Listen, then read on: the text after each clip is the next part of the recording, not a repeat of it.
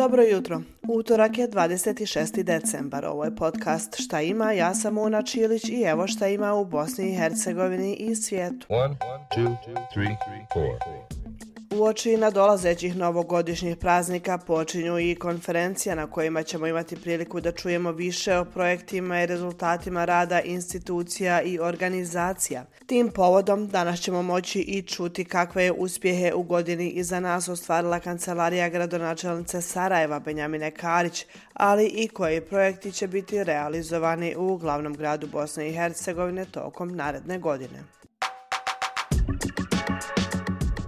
A sada idemo malo dalje, odnosno do Turske gdje će Komisija za vanjske poslove parlamenta raspravljati o kandidaturi Švedske za članstvo u NATO-u, što je ključni korak naprijed ka mogućoj ratifikaciji kojom bi se omogućio ulazak Švedskoj u ovaj vojni savez. U maju prošle godine turski predsjednik Recep Tayyip Erdogan iznio je prigovore na zahtjeve Švedske i Finske da se pridruže Vojnom savezu. Turska odlaže ratifikaciju švedskog članstva više od godinu dana. Ankara je optuživala Švedsku da ne svata dovoljno ozbiljno zabrinuto za sigurnost Turske, uključujući borbu protiv kurdskih militanata i drugih grupa koje Ankara smatra sigurnosnim prijetnjama.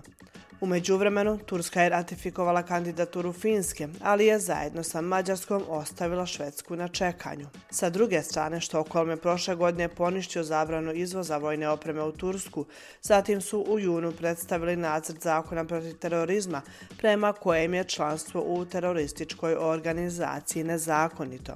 Od podnošenja prijedloga zakona parlamentu u oktobru Erdoğan je rekao da će pokušati olakšati ratifikaciju, ali da Štokholm još uvijek nije poduzeo dovoljno mjera protiv kurdskih militanata. Šta će se dogoditi sa ratifikacijom članstva Švedske u NATO savez ostaje da vidimo. Mađarska i Turska jedine su članice NATO-a koje nisu zvanično odobrile kandidaturu Švedske. I kratko za kraj. Na ovaj datum 1942. godine u Bihaću je u drugom svjetskom ratu osnovano antifašističko vijeće Narodnog oslobođenja Jugoslavije i održano prvo zasjedanje Avnoja, na kojem je 54 delegata izabralo izvršni odbor Avnoja sa doktorom Ivanom Ribarom na čelu.